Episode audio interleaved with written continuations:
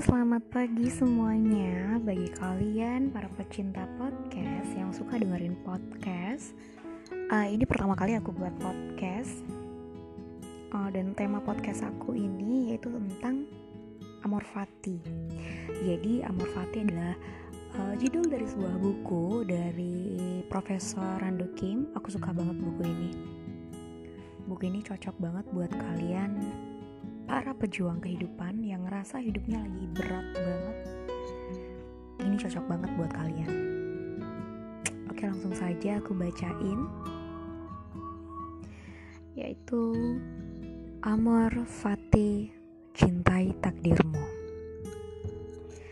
Saat menatap bayangan gelap yang menempel di kaki di bawah teriknya sinar matahari, sebuah pikiran melintas di benakku.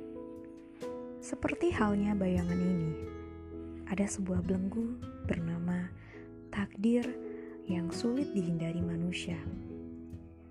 Kupikir hal itu hanya terjadi pada diriku, tetapi ternyata terjadi juga pada orang lain. Ternyata banyak juga yang harus hidup dengan memendam masalah keluarga yang bahkan tak mudah diutarakan pada keluarga sendiri dan bersikap seolah semua baik-baik saja. Terkadang kita juga merasa muak pada diri sendiri yang pengecut, yang tidak bisa melakukan apa pun di tengah orang-orang yang harusnya saling merangkul satu sama lain. Kita justru saling menyakiti. Juga ada beban yang sulit dipikul seperti ketidakberdayaan ketika orang yang dicintai meninggalkan kita begitu saja atau mengidap suatu penyakit yang tidak bisa disembuhkan. Orang yang belum pernah mengalami hal-hal seperti itu mungkin akan sulit memahami belenggu takdir itu.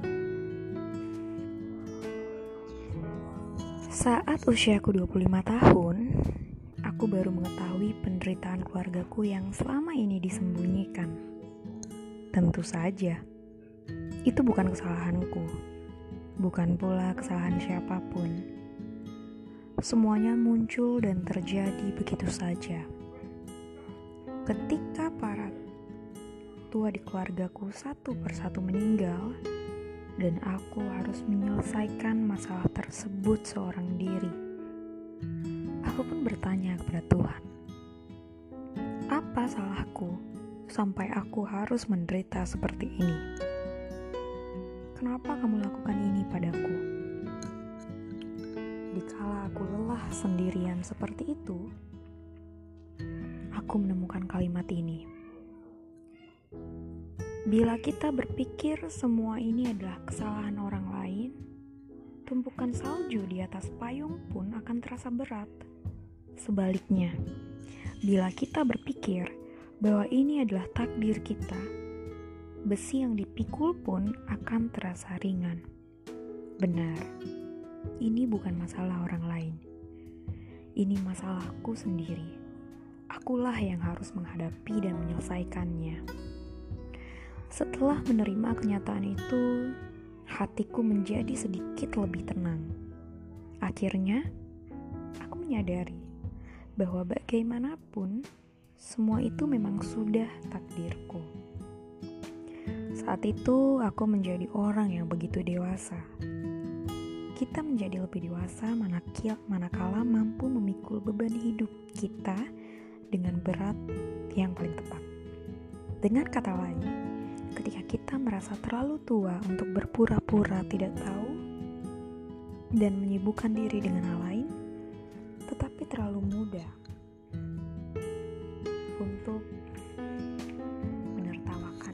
berusaha melewatinya.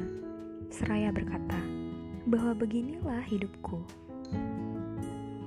Biasanya, dalam ceramah atau talk konsul, para peserta diberi kesempatan untuk bertanya. Dan pertanyaan yang selalu dilontarkan adalah Bagaimana Anda bangkit kembali dari setiap cobaan? Mungkin sang penanya sedang menghadapi cobaan berat. Aku sebisa mungkin menghindari pertanyaan semacam ini. Namun jika terpaksa, aku harus menjawabnya. Biasanya aku hanya berkata seperti ini. Aku belum bisa bangkit. Aku hanya bertahan sampai cobaan itu berlalu. Lalu kulanjutkan. Aku tidak sekuat itu hingga bisa bangkit dari masalah. Satu hal yang bisa kukatakan adalah bahwa aku tidak terpuruk. Aku hanya bisa bersabar. Dan akhirnya semua berlalu. Baik penderitaan maupun kesenangan. Setelah itu suasana menjadi hening. Baik moderator maupun peserta menunjukkan raut wajah kecewa ekspresi yang menyiratkan tanya bahwa bukanlah sebuah ceramah seharusnya memberikan jawaban terhadap suatu pertanyaan. Mereka masih menunggu jawaban, berharap ada sepatah kata yang dapat membuatnya bertahan hingga masa-masa sulit berlalu. Aku pun mengerahkan tenaga dan menjawabnya. Amor, Fati, cintai takdirmu.